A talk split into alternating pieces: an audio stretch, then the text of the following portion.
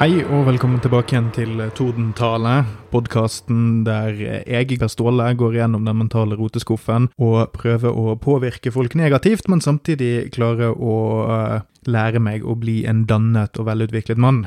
Rett og slett en dannelsesreise gjennom kunst, kultur og heavy metal. Uh, I dag har vi litt sånn crossover-effekt. De av dere som er lesekyndige nok, har jo klart å lese tittelen på episoden og trykt på play, så jeg antar jo at dere har forstått hva det er vi skal snakke om i dag, men for de av dere som ikke vet det, så er det Highlander. Og ikke en hvilken som helst Highlander, her snakker vi om en, den, kanskje verdens eneste franske Highlander, og hans eventyr gjennom fire filmer lagd mellom 1986 og år 2000. Så kan jo dere kanskje spørre dere ja, altså, Per Ståle, hva er greien med at du har lyst til å snakke om fire Highlander-filmer? Er det ikke nok å bare snakke om en av de? Jo, for så vidt, fordi det er én god film her, og så er det en del rask. Og mitt svar er at jeg liker den første Highlanderen ganske bra. Det er ikke en personlig favoritt eller noe sånt, men det er en film jeg har litt sansen for, men ikke noe jeg nerder obsessivt over. Ikke noe jeg klikker så veldig mye over, liksom, som driver meg.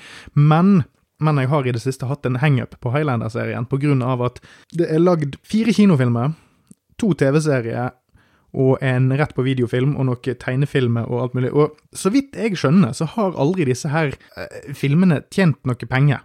Og med unntak av eneren, så er det ingen som liker de. Sjøl fansen ser ut til å i varierende grad hate disse filmene. Så, så, det vi skal gjøre i dag, er rett og slett å ta en, en liten kjapp gjennomgang av eh, Highlander 1, 2, 3 og 4, eller Highlander 1, 2, 3 og Endgame. Vi kommer tilbake igjen til ulike undertitler underveis. Og så, når vi har gått, Jeg skal rett og slett prøve å utføre en slags obduksjon. Hva faen var det som skjedde her? Hva er greien med at folk fortsetter å kaste millioner av dollars, som farfar ville sagt, eh, på re regelrett skit? og skit i, i sånn På toppen av rangstigen så har du eneren, som i beste fall kan kalles fantastisk skit. Vi kommer litt tilbake igjen til hvorfor. Og så på bunnen så har du resten. Du har liksom Highlander helt på toppen av, av skitkurven, og så har du det andre på helt på bunnen.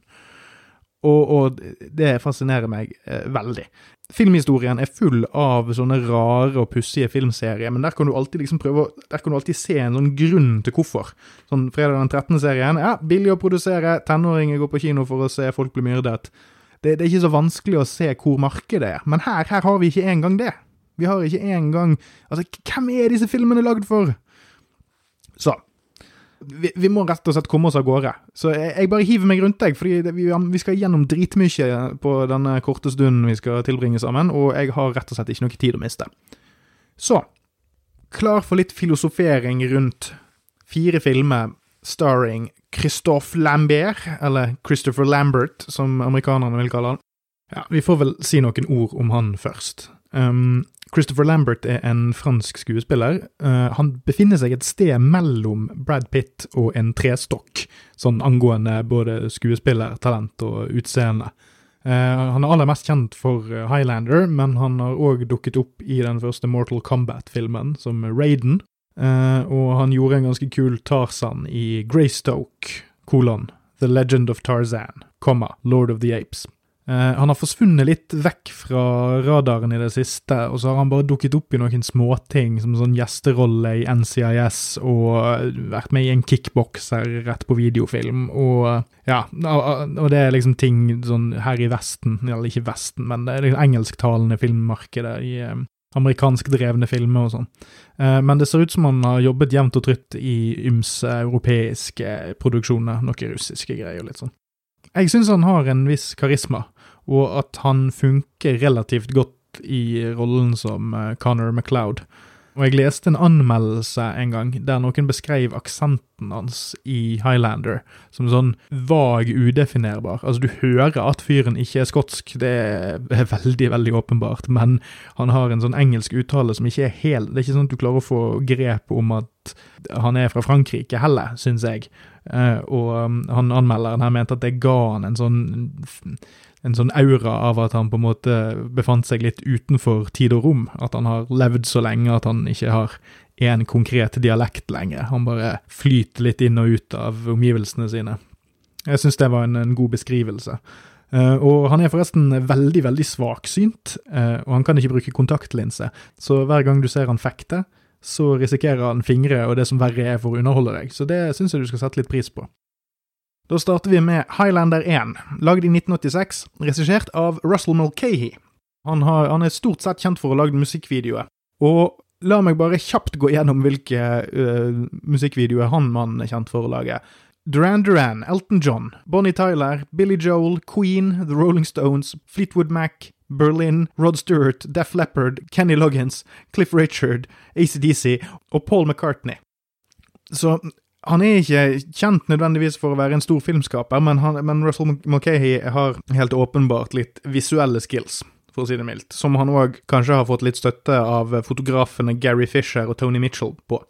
Eh, interessant nok, musikken er lagd av Queen og Michael Cayman. Ja, eh, Queen var et sånt indie-rock-band som hadde én hit i 1981, og så bare forsvant de fra jordens overflate. Du, du, får ta og google det. Jeg, eh, jeg gidder ikke å det, det, det, er ikke, det, er ikke, liksom Det er ikke, det er ikke Streberg-timen med Åke Lasse du hører på, sant? Altså på radio vinyl. Nei, no, her, her, fokuserer vi på det liksom dype materien. Uh, Michael Cayman han er jo kjent fra en drøss med ting. Han jo, han, uh, der han er nærmest mitt hjerte, det er jo fordi han er han som har komponert musikken til Die Hard og Dødelig våpen-filmene. Han er òg han som dirigerer og orkestrerer med Metallica på SNM-albumet fra 1999. Så det er liksom en sånn, sånn triangel av interesse for meg. Eh, pluss at han har sånn, Slår du opp en random 80-talls, tidlig 90-talls uh, actionfilm, så finner du navnet til Michael Cayman der. Um, 'License to Kill', for eksempel. Som er en undervurdert Bond-film. Men uh, det, det er for en annen tid og et annet sted, en annen dimensjon, en annen podkast. Og så kommer vi til altså, Jeg kommer vanligvis ikke til å snakke så mye om budsjettet og sånne ting. Det er ikke det som nødvendigvis gjør en film god eller dårlig, hvor mye den har tjent på kino og sånt. Men akkurat i dag så er det litt relevant, fordi at noe av kjernen av det jeg lurer på, er hvorfor i helvete fortsetter de å lage disse filmene? Og da kan vi se på det sånn at ok, 1986, et budsjett på 19 millioner dollar, det er ganske anstendig for denne typen film. Det er jo ingenting i forhold til hva budsjettet folk bruker i dag, men altså, du fikk lagd en ganske grei actionfilm på det budsjettet på den tiden. Det er kanskje litt i billigste laget for å lage en spesialeffektfilm, men likevel anstendig budsjett. Den tjente på kino 12,9 millioner dollar, som må ha svidd litt på både den ene og den andre pungen, fordi det er en grei huskeregel å tenke at en film i hvert fall trenger å tjene inn tre ganger sitt eget budsjett for å få en anstendig profitt, helst mer. Litt kjapp eh, plottsynopsis for min del. Ok. Hovedpersonen heter Connor MacLeod. Han er en ung skotte i en klan i det skotske høylandet. Klanen hans skal ut uh, og møte fienden sin i strid, og det er jo en ganske grotesk affære, selvfølgelig. Det er jo tross alt uh, 1500-tallet. Og så, ut av det blå, ikke ut av det blå, men der kommer det, på, på motstandersiden så er det en fyr som ser ja, Han er kledd i et uh, skjelettkostyme og ser generelt sett veldig ond ut, og han prøver å drepe Connor spesifikt. Connor blir dødelig såret, men heldigvis så klarer klanen hans å få vekk denne onde, onde skjelettridderen eh, fra han, før han klarer å kappe av han hodet. Og så, tar de han, eh, så får de tatt med Connery tilbake igjen til landsbyen, og så dør han ikke av dette dødelige såret. Han blir helt frisk, nærmest over natten.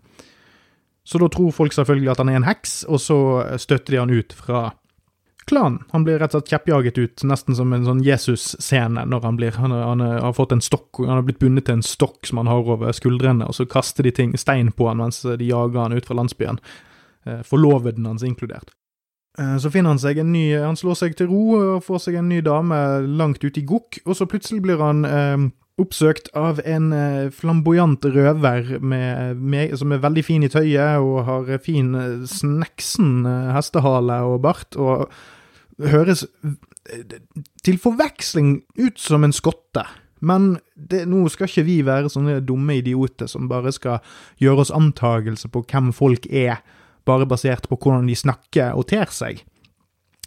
For det er da Sean Connery som dukker opp Kanskje hans beste skuespillerprestasjon noensinne, med tanke på hvor lang tid det tok meg å skjønne at skuespilleren var skotsk, men han spiller altså da Juan Sanchez Villabos Ramires, som da er en egypter.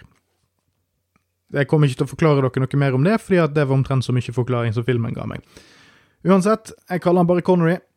Connery forklarer Connor at han er udødelig, han er en immortal. eh, og man vet ikke helt hvor de kommer fra, men det fins i hvert fall visse regler for hvordan Immortals omgår hverandre, og så er det en endestasjon de alle skal til. Eh, og det er nemlig det at alle Immortals må på et eller annet tidspunkt slåss mot en annen Immortal. Den som kapper av hodet på den andre, har vunnet. Den som har fått hodet kappet av, dør. Så disse her, folkene her er udødelige helt til du kapper av de hodet. Og når du har kappet av det i hodet, så blir all energien til den personen som dør, overført til den som vant. Og da skjer det noe som kalles en quickening. og Det betyr kort og godt at spesialeffekt-duden bak kameraet trykker på pyroknappen og sprenger alle vinduene i nærheten, og med, og med masse sånn nyttårsraketter. Noe av det gøyeste i Highlander-serien er når det skjer quickenings, fordi at de bare eskalerer og blir så gjennomført beint ut ko-ko at det, det er en fryd. Og så viser det seg da at han fyren som da har eh, angrepet Connor, han er en fyr som bare kalles The Kurgan, som er en sånn flere tusen år gammel dude som kommer fra et sted i Russland der de oppfostrer ungene sine ved å kaste de ned i hull i bakken sammen med sultne hunder og et, stykke med kjøtt. Så ganske badass type. Så da, gjennom hundreårene, så vil The Kurgan prøve å få tak i The Price eller plottet er da kort og godt, eller konklusjonen her, eller det som på en måte driver filmen, er at når det bare er to Immortals igjen, så er det sånn at there can be only one. Så målet for de udødelige er å nedkjempe hverandre til det bare er én igjen, så kommer han til å vinne the prize. Det er fremdeles spoiler-alert her hjemme hos meg, så jeg kommer til å avsløre så å si alt som kommer til å skje. Så hvis du har lyst til å bli overrasket av en film som kom ut i 1986, så slå av nå og sjekk ut den, hvor enn den ligger. The Price viser seg i hvert fall å være at man blir dødelig igjen, at man kan få barn. Immortals kan ikke få barn. Eh, og at man får eh, ekstrem kunnskap om alt mulig og en connection til alt levende. Ganske hippie-dippie. Jeg, jeg, jeg, misliker litt det at premiene etter liksom hundrevis av år med sverdkamp og herjing skal være så koselig og deilig og guddommelig. det, det er ikke helt konsekvent med hva liksom Hvis det er premien, hva var det som fikk de til å signe seg opp, eller hva var det som var entry-prisen? som, som, jeg sa innledningsvis, jeg liker Highlander ganske godt, og jeg, jeg, har sett den tre ganger. Jeg har sett den en gang i tenårene, sånn Bad Movie Night med kompiser og sånt. Da var han ganske tøff, men jeg tror jeg kanskje Det, var, det var, en dårlig VHS-kopi, og det var litt sånn her Man fulgte ikke helt med, og ting var litt pussig og rart. Hva var greien med denne Queen-musikken? Men så har jeg sett han et par ganger til etter det, nå, sist nå for ikke så lenge siden, og det, som slo meg nå, er at jeg, jeg, liker han egentlig mer nå enn jeg har gjort de to forrige gangene. Og det kan hende at jeg kommer til å like den enda mer, fordi den er overraskende godt filmet. Eh, og nå snakker jeg ikke nødvendigvis bare om at de kan komponere shots ganske bra, men den, det er masse stilig kameraføring med kranbruk som er veldig sveipende, så selv om filmen i seg sjøl er litt sånn liten at det egentlig bare er et par karer med sverd som skal fekte, eh, så klarer kamerabruken og pyroeffektene, for det er masse gnister og eksplosjoner rundt disse kampene. Men de klarer å gjøre filmen til noe større, selv om det egentlig Altså, det, det er ingen Det er ikke noe større drama enn mellom uh, hovedpersonen Connor MacLeod og The Kurgan, skurken. Og så er det jo selvfølgelig kjærlighets, uh, et kjærlighetsplott der en politietterforsker, crime scene investigator, forelsker seg i Connor og finner ut av hemmeligheten hans og sånn. Uh, kort side note. Uh, det er en ting i visse sånne sjangerfilmer som er ganske artig, og det er det at Merk dere dette. Enkelte sjangerfilmer har veldig spesifikke detaljer ved enkelte personer. Uh, som, er, som, virker som at en tolvåring har skrevet manuset, og så har de konkludert med sånn Å ja, han fyren her, han jobber jo på et bakeri, så derfor må kjæresten hans være en dame som driver og er ekspert på mel. For uh, hun damen som da Connor blir forelsket i, og som avslører han underveis, hun er da, som sagt, en uh, crime scene investigator, men før hun var det, så har hun, har hun liksom vært eksperten på Ancient Swords, som er en bok som Connor uh, leser.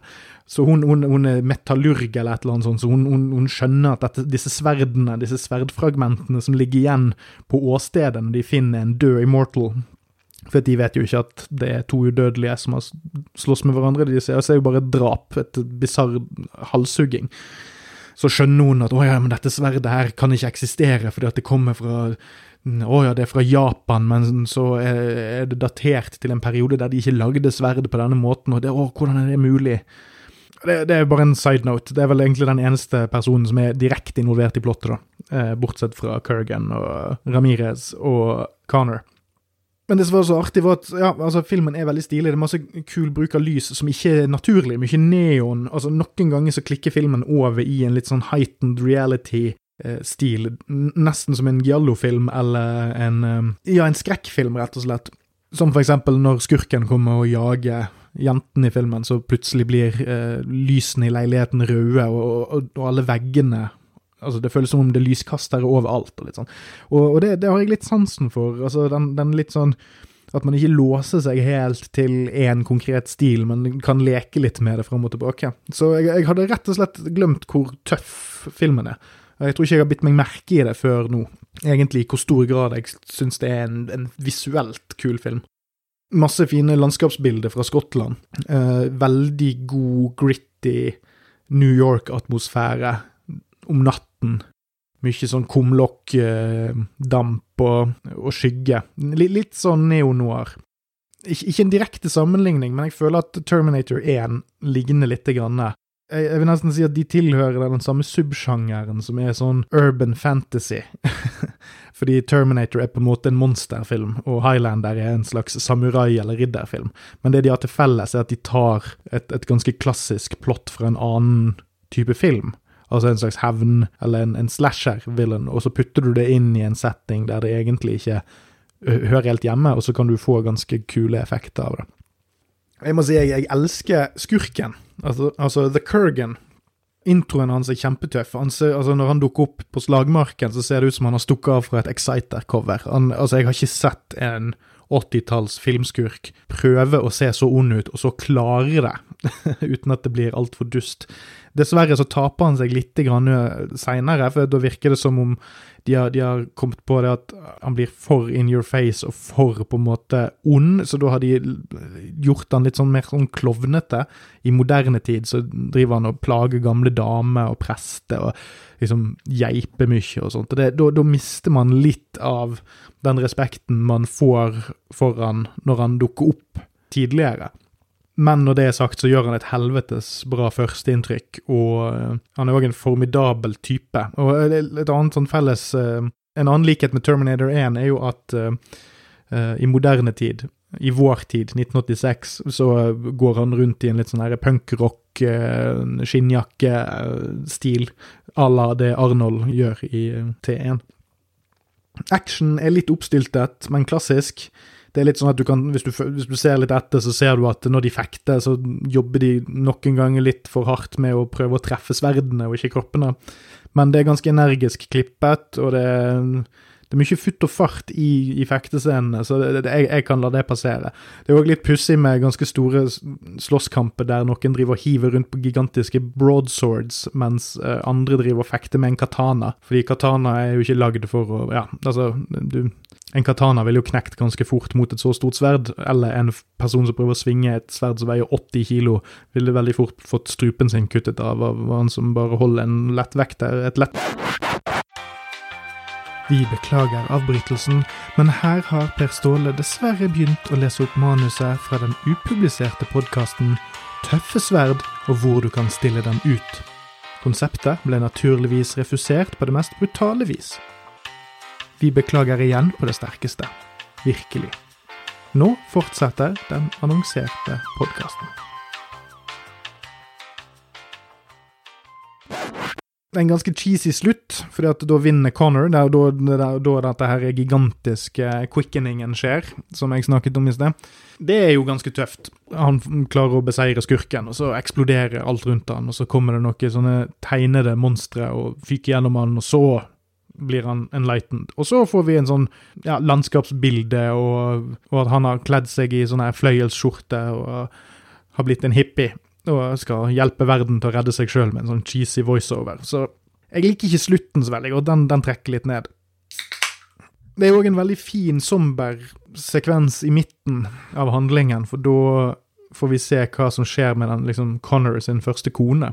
Det er det at han blir ved hennes side hele hennes liv. Så de lever et helt ekteskap sammen, men han er like ung som den dagen de møttes, og hun eh, blir gammel og grå. Det eneste som trekker ned der, er at uh, det er den unge skuespilleren som spiller hun som gammel. Uh, så vi får en sånn fin scene på dødsleiet der hun dør og sier at hun angrer ingenting. Bedre enn det man skulle trodd for denne typen sjanger. Så jeg har én kommentar til, og det er den jævla frakken. Connor går rundt i en sånn Du vet han fyren i Olsenbanden-filmene som går rundt med en sånn stresskoffert med sånn hatt og solbriller og skal levere noen dokumenter, eller de skal prøve å stjele noen dokumenter fra han, eller et eller annet sånt. Akkurat sånn frakk har han. Sånn beige, gammalmannsfrakk. Og den går han med hele filmen og ser ut som en jævla blotter. Uh, og det er jo greit nok. Han blir jo ikke fremhevet som en det, det, det, er kanskje ikke meningen at han skal være så jævla kul, men når du bygger en jævla franchise på at han fyren her skal være kul, så driver du Så kan du ikke gjøre det til signaturlooken hans, men det har de fanken meg gjort. Så jeg husker ikke om han er med, om det er sånn i toeren, men både i treeren og fireren så går han fanken rundt i den der ekstremt dølle pervofrakken. Og det er òg, igjen, enda en av disse tingene som man kan hive på toppen av denne filmserien. Av rare, merkelige avgjørelser. Anyways, vi må videre. Så, Highlander 2, The Quickening. Ja, det er nå det begynner å bli pussig, folkens. Samme regissør som Highlander 1, Russell Mulcahy. Fotografen heter, og dere får unnskylde fransken min, Phil Maheu. Han har da filmet Casino Royal, The Mask of Zorro og Smurfene 2. Så musikk av Stuart Copeland, som tidligere var trommis i The Police, eh, og har lagd musikken til alle de klassiske Sparrow The Dragon-spillene. Og så kommer vi atter en gang tilbake igjen til budsjettet, da. Budsjettet er 34 millioner dollar, altså en anstendig bump fra eneren. Og en uh, kinoinntekt på 15,6 millioner dollar. Da er det bare inkludert i USA, da, men det peker jo på at han ikke har gjort gangbusters i resten av verden.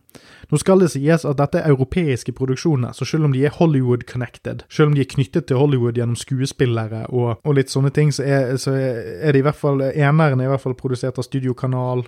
Rettighetene er all over the place. Så det er ikke sånn at det sitter én sånn Hollywood det er, det er, ikke sånn at dette er sopt opp av et stort studio eller noe sånt. Det er sånn at rettighetene hopper litt fra hånd til hånd. Eh, etter hvert som filmene produseres. Noe som òg er forbausende likt med Terminator-serien. Som jeg ikke tror har blitt produsert av det samme produksjonsselskapet to ganger. Vi hopper fram i tid. Året er 2024, så det er bare tre år til vi får dette som en virkelighet. Um, nå skal jeg prøve å få et ekstremt kort plottsynopsis her.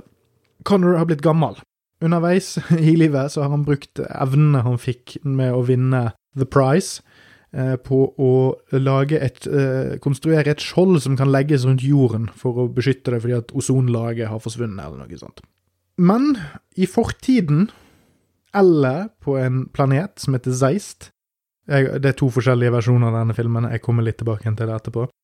Så er det en ond dumming som har lyst til å drepe MacLeod av ulike grunner, så han sender to pinnsvinmenn til fremtiden eller til jorden for å drepe han. Så dreper MacLeod de to pinnsvinmennene som flyr rundt på sånne flygedisker. Så er det mange eksplosjoner pga. et par quickenings, siden han kappet hodene av dem. Og så blir han ung igjen, og så tror jeg han har sex med en dame. Og så begynner plottet å handle om et eller annet at det store selskapet som Connor har skapt for å lage dette beskyttende skjoldet Han er jo veldig veldig rik, selvfølgelig, han har blitt mange milliardær. Eh, de de er egentlig onde. Egentlig så har ozonlaget reparert seg sjøl, men ja. Så da må de stoppe de fra å gjøre et eller annet. Det, og, som dere hører, det, det er litt fordi at jeg ikke husker alle detaljene, men det er òg litt fordi at dette her er en utrolig usammenhengende film som ikke klarer å kommunisere hva som foregår, på en veldig ikke engang adekvat måte. Altså Det å, det å si at denne filmen her er, er ufokusert, er, det ville være å rakke ned på folk med ADHD. Fordi ja, det er regelrett pussig. Eh, og så kommer jo da han her skurken, som jeg ikke husker navnet på, men han er spilt av Michael Ironside, som er kjent fra flere film. Han, er, han spiller ofte skurk på sånne 80-90-tallsfilmer. Uh, han er en av skurkene i Total Recall med Arnold Schwarzenegger. Uh, han er òg skurken i The Next Karate Kid med Hilary Swank. Um, stay tuned uh, for den, by the way. Og han er òg en Kurgan-klon. Altså, han, han, han, er truende, men veldig sånn kooky, sånn klovnete og hi-hi-hi, er ikke jeg ond? Og han drar da til jorden eller fremtiden, alt ettersom. Uh, og begynner å involvere seg i dette plottet for å ta hevn på MacLeod, men òg for å gjøre et eller annet med det der selskapet. Og det, det er fryktelig, fryktelig forvirrende greier. Og hvis det har vært litt forvirrende å høre på meg forklare dette, så er det fordi at det er en forvirrende film, uh, og det er den versjonen jeg har sett, er visstnok den som er den beste. Og det er da Renegade Cut-versjonen, som er nærmere det Russell Mulcahy ville at filmen skulle være. I den versjonen så er det sånn at Immortals kommer egentlig fra fortiden, der de har laserpistoler og utkjemper kriger med hverandre. Og så har Connor og Ramirez, hans eh, mentor, blitt sendt til fremtiden som en slags straff for en ting de har gjort som var for kjedelig til at jeg husker hva det var. Mens i kinoversjonen, som jeg tror er litt kortere og har litt annerledes eh, effekter, så kommer de fra en planet som heter Zeist og så har de blitt sendt til jorden for enda mer teite grunner. Så det er ikke jeg har, jeg har, sett den som skal henge mest på greip, og den hang ikke mye på greip. Og jeg skjønner ikke hva skurkene vil, jeg skjønner ikke hva som motiverer heltene. Eh, jeg får bare nevne kjapt eh, Det jeg ikke nevnte i Highlander 1, er jo at Ramirez, altså mentoren til Connor, blir jo drept av The Kurgan. Men i denne filmen så viser det seg at Connor, når han blir ung igjen fordi at han fikk noen quickenings, så kan han ønske Ramirez tilbake til live. Og da dukker Sean Connery opp på en scene i Skottland der de fremfører Hamlet eller Macbeth. Og så må han ta fly til New York, eller hvor enn dette utspiller seg.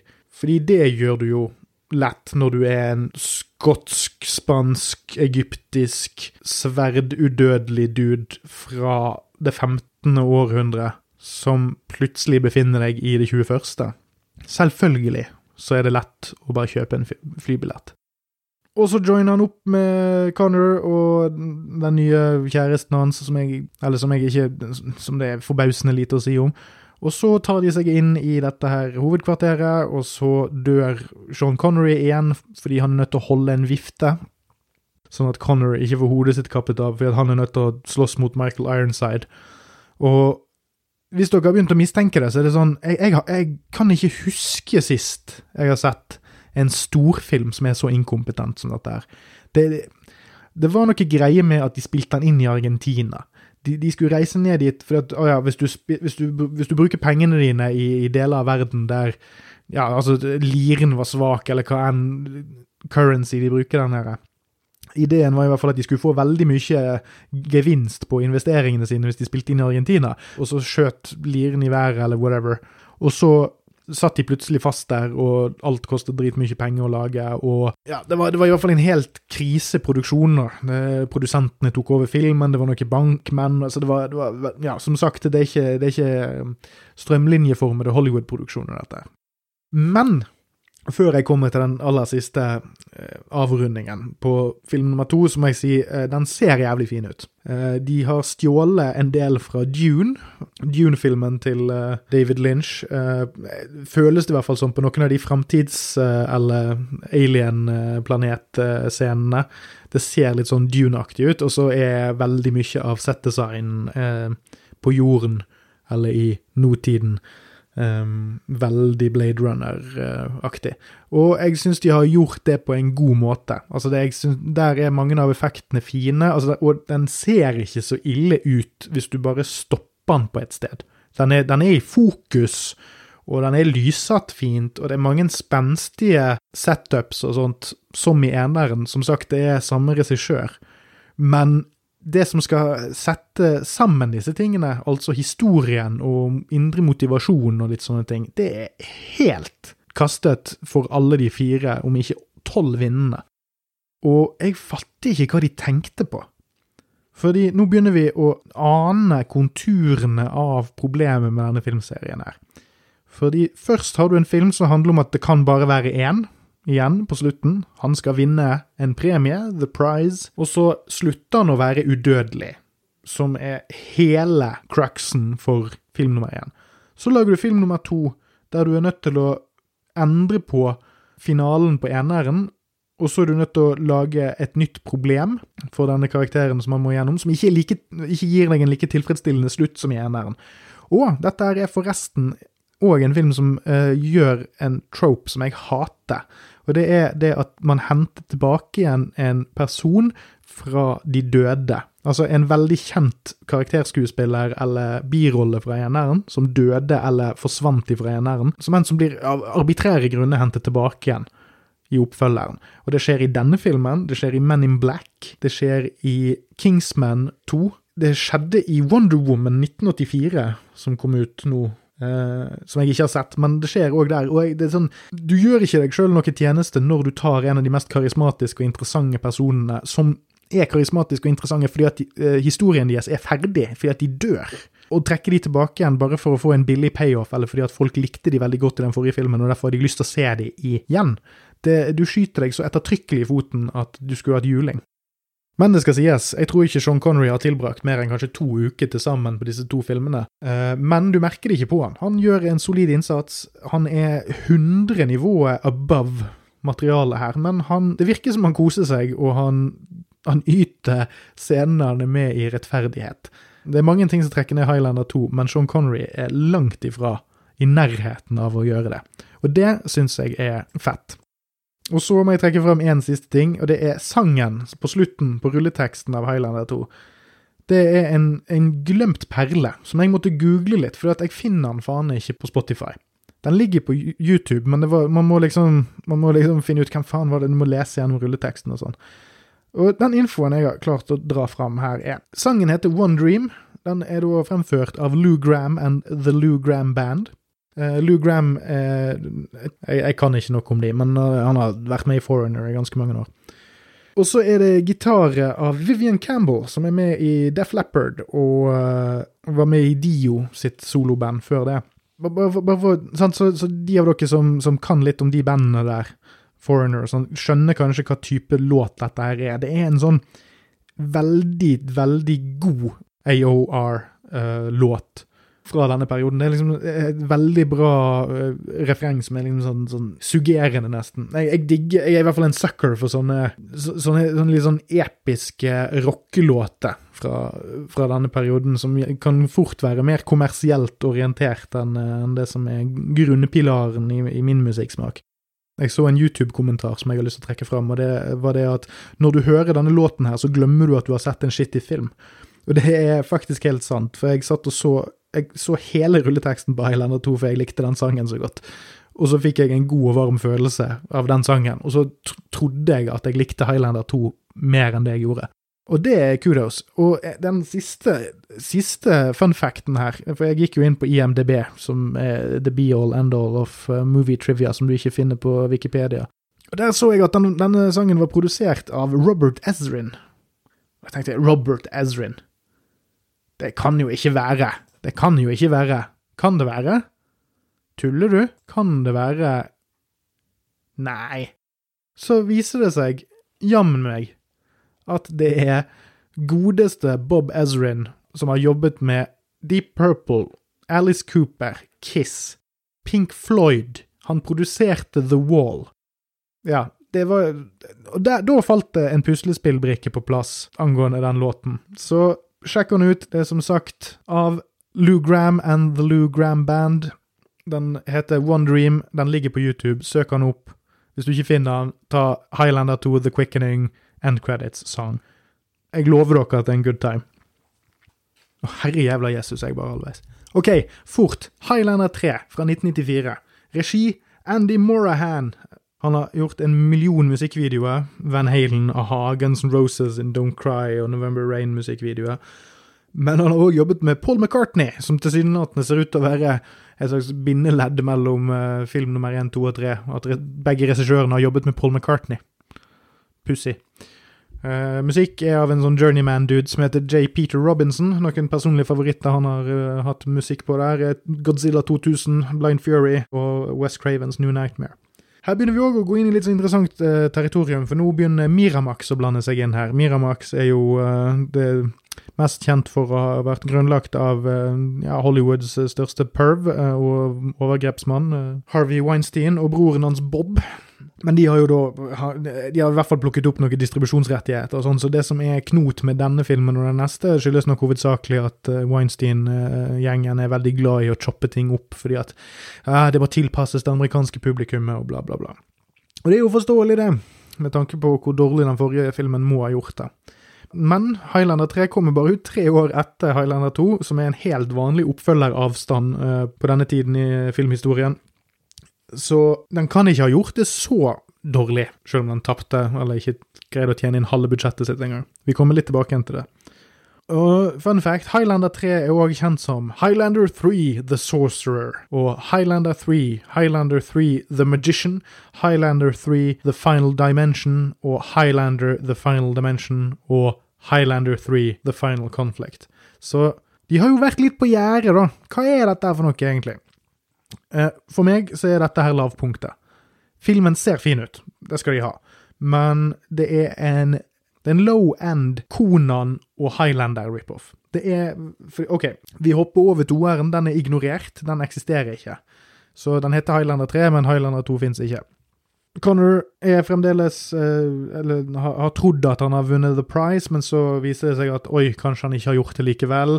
Å nei, her kommer det en skurk fra fortiden hans. For da viser det seg at eh, da Connor var i det fjerne Østen og lærte seg eh, østlige katana-teknikker på 1500-1600-tallet av Mako, som er en karakterskuespiller, som for eksempel man kjenner fra begge de gamle Konan-filmene med Arnold.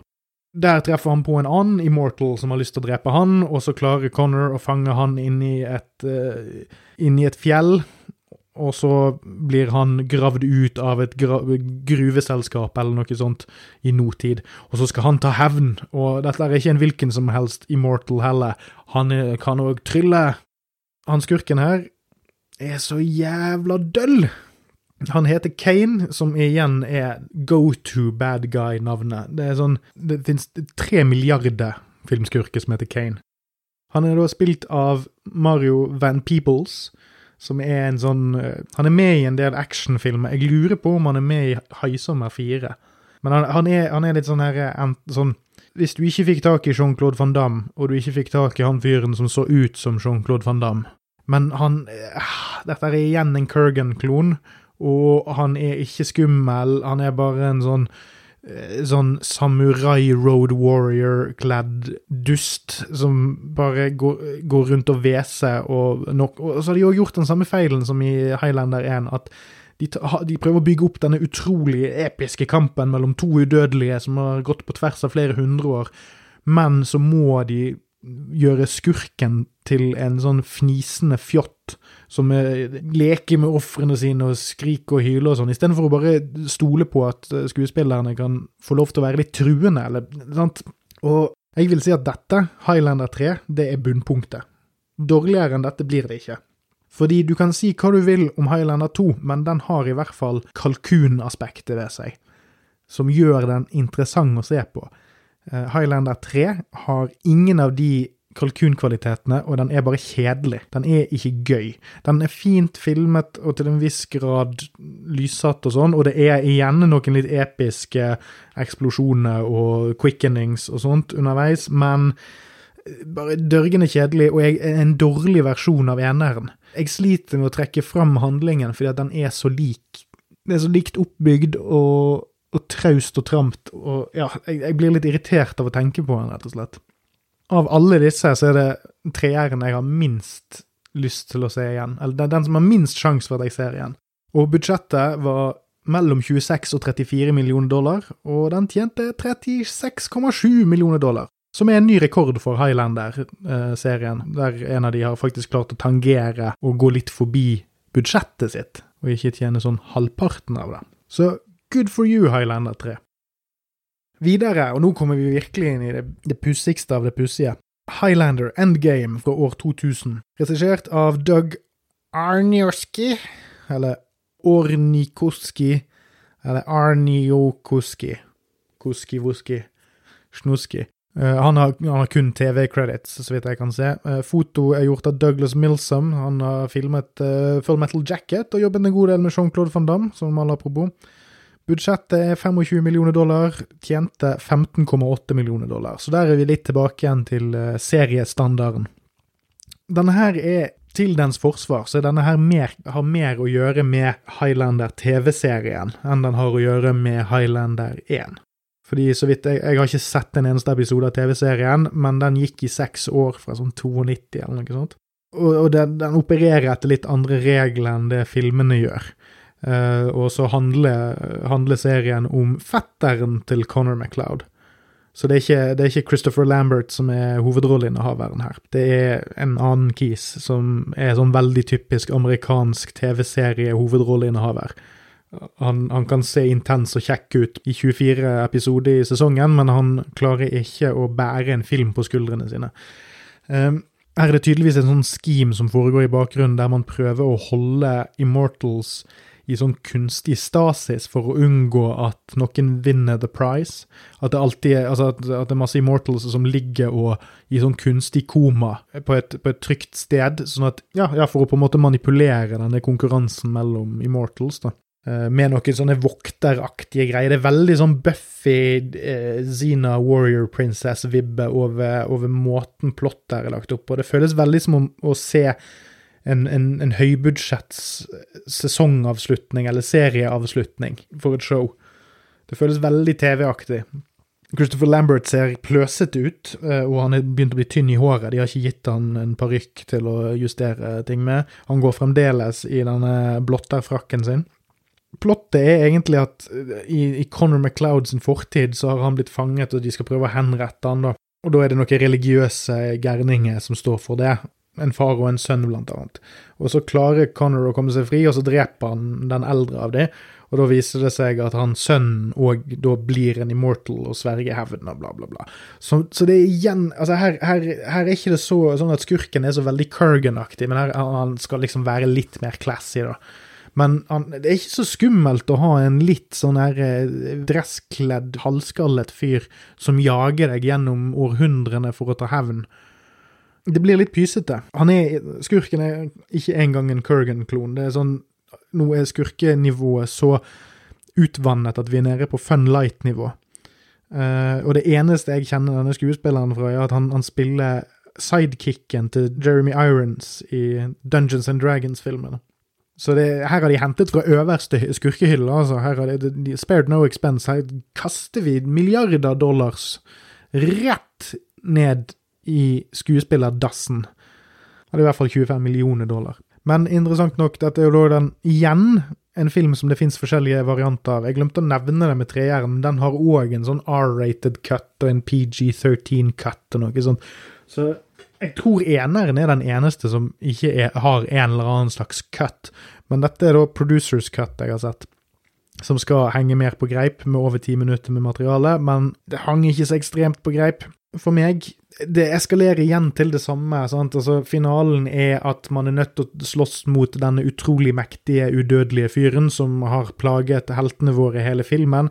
Eneste forskjellen nå er at han har litt flere sidekicks enn det de vanligvis pleier å ha, disse skurkene, mens de jager heltene våre. Så det er noen uh, Donnie Yen er med her, han uh, i en av sine første Hollywood-roller. Det er noen kule kampscener. Det er godt koreografert til en viss grad. De har stjålet fra de rette delene av The Matrix, men du merker òg det at det er litt sånn eh, videolinjen på folkehøyskolen prøver å lage en Matrix-oppfølger. Litt den vibben over estetikken her. Det er mye sånn Dutch tilt og det, føles veldig digitalt på et eller annet vis. Altså det, er veldig, det, er jo for tidlig til at det er skutt digitalt, dette her, men det føles veldig som om det har blitt kjørt igjennom en sånn tidlig videoredigeringsprogram og liksom jazzet med for å få det til å se kjempetøft ut. Men så ser det egentlig bare dølt ut. Altså den tidlig 2000-talls Ikke engang, jeg vil, ikke kalle det musikkvideoestetikk, men at det er en man tror at fordi at det, det, ser glossy ut, så ser det tøft ut, men det, ser, det får det egentlig bare til å se billig ut.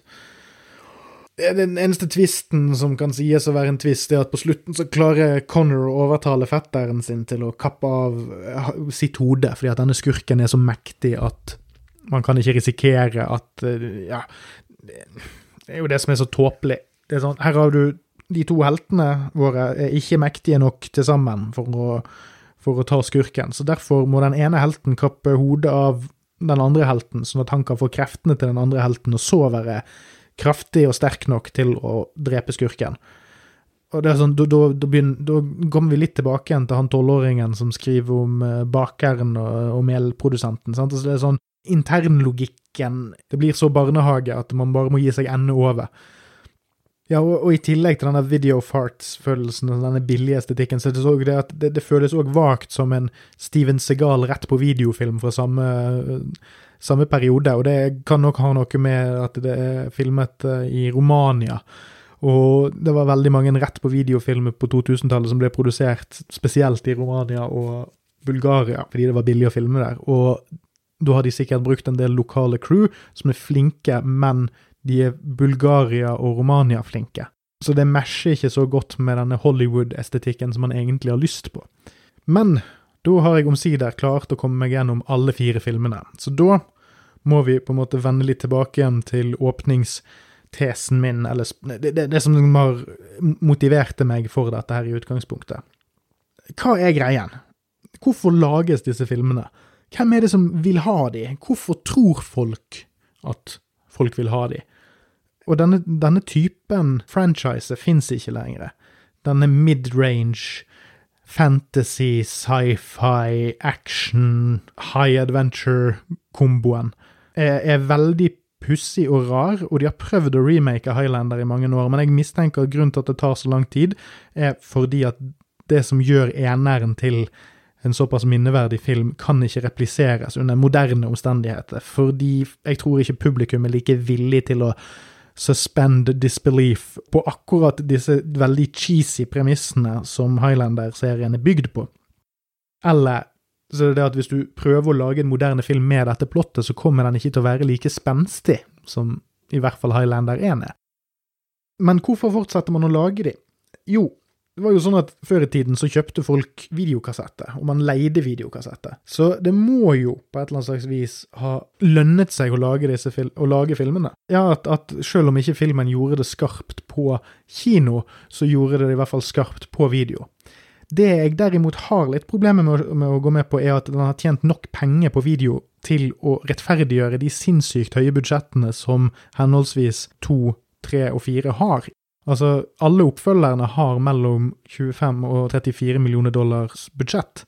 Og det får du ikke av at det har gått jævlig bra på video når du har tapt så mye penger på kino. Så det jeg mistenker, uten å ha gått så ekstremt gjennom uh, the books her, er jo at av denne produksjonsmetoden, at det er litt sånn at man henter investering her og der, og at det ikke det er ikke et studio som har, har backet hele serien, men at, at det er forskjellige in investorer som har eh, investert ulike mengder av penger i det, så kan det være sånn at franchisen kan se lønnsom ut på papiret, fordi at den har gjort det bra på video og sånn, og så kan du Budsjettene er ofte lagd sånn at, at du har tjent inn igjen pengene dine før filmen har åpnet en gang, fordi at du har solgt kinorettighetene. Så da kan det hende at de har bygd investeringen på de neste filmene på hvor bra filmene har gjort det på video, og de har tydeligvis gjort det bra på video.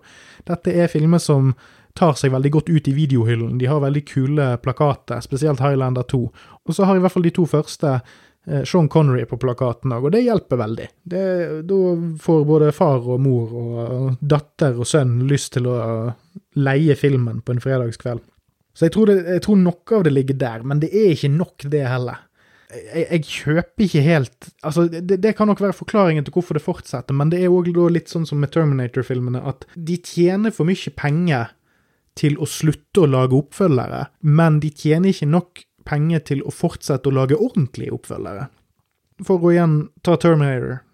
Der har du T1 og T2. T2 en oppfølger til T1.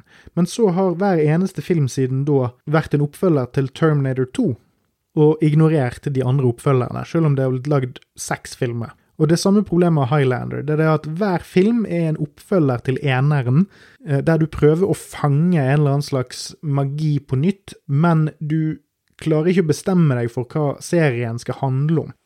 Og så feiger de ut i tillegg. Altså, Highlander 2 der prøver de noe nytt, og så driter de seg ut. Men det var i hvert fall et ærlig forsøk på å gjøre noe. Men etter det så er det bare stort sett Nei, nå kommer det en ond, eh, udødelig fyr med sverd og prøver å kappe oss ned i vår egen tid, og uten noe spesielt kule spesialeffekter eller en twist på storyen. Det er ikke en visjon her. Og hver av disse filmene ødelegger mer og mer for eneren. Fordi eneren funker fordi at det er en, en lukket historie. Hvis du har lyst til å fortelle mer om Conor MacLeod, så er du nødt til å reboote og starte på nytt. Du må begynne på en ny filmserie. Du kan ikke ha en filmserie som er basert på at fyren som vant, ikke vant likevel. Dette er for meg verdens mest uforståelige filmserie.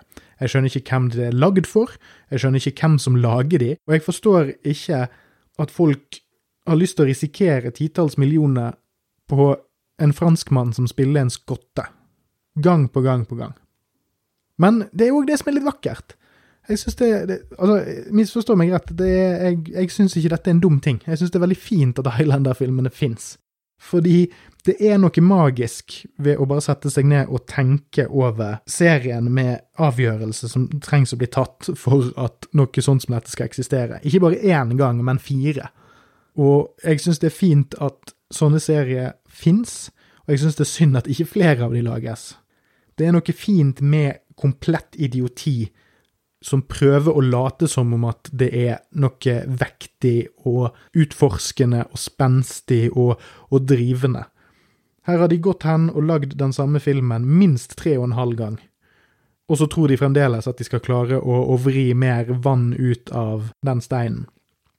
Så før vi runder av, så går vi gjennom hvilke av disse jeg ville anbefalt eh, folk å se. Highlander 1 det er en definitiv anbefaling. Hvis du liker folk som fekter med sverd og har rare dialekter, og, og menn som går med skjørt, go for it. Det er god musikk, det er godt klippet, det er godt filmet. Det er stilig. Det er kanskje den pureste formen for 80-talls cheese som eksisterer, og det sier jeg med et, et hjerte full av ost. Nummer to, den kan anbefales for weirdos og nytes best halvveis daudrukken. Hvis du liker dårlige filmer, og hvis du liker dårlige filmer som, som får hjernen din til å si litt sånn poff, så, så, gjør det. Men ta gjerne og se han med en, en kompis eller åtte. Ta, ta, sånn Zoom watch party, eller hva det er ungdommen driver med nå, istedenfor å se på pornografi. Men den er, den er, det er en sosial happening å se Highlander 2, egentlig. Det tror jeg er optimalt. Ja, det, det, det, er litt sånn som å, å, å, drive med rusmidler. Hvis du først er nødt til å gjøre det, sørg for at du har folk du stoler på rundt deg, som kan passe på. Nummer tre nei, ikke se den. Den er bortkastet tid. Jeg, jeg kjenner jeg kan kanalisere min far. For noe piss. Og jeg har sett masse dårlig film i min tid. Den her har ikke engang den gode dårligheten ved seg. Den er, den er for kompetent til å være gøy, og den er for kjedelig til å være bra. Og film nummer fire den kan jeg kun anbefale for folk som har samme diagnose som meg, og der har jeg et kobbel med lege som er på, og lege og psykiatere og psykopater som driver og jobber med det. Så den kan egentlig ikke anbefales til noen ennå, men altså hvis du, hvis du, føler for det og, og, og, og, føler at jeg er en sjelevenn med deg, eller noe sånt, så kan du kanskje våge deg utpå. Men eh, hvis du mener at jeg er sjelevennen din, så ta for guds skyld aldri kontakt, og, hold deg unna meg og familien min.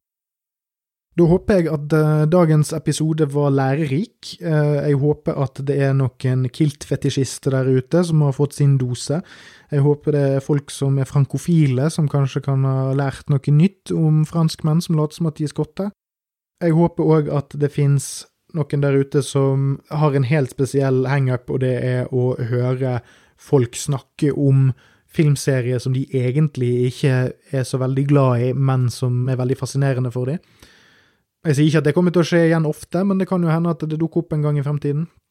Neste uke skal vi snakke om musikk igjen, eh, men da skal jeg ha med min aller første gjest, så det blir første foray into å ha en samtale gående. Jeg skal ikke avsløre for mye, men musikken det gjelder er vesentlig mer moderne enn Citizen Kane, og 14 ganger mer fremmed for meg. Eh, så jeg ser fram til det med frydblandet skrekk, for å si det mildt. Vi snakkes uansett og Takk for meg.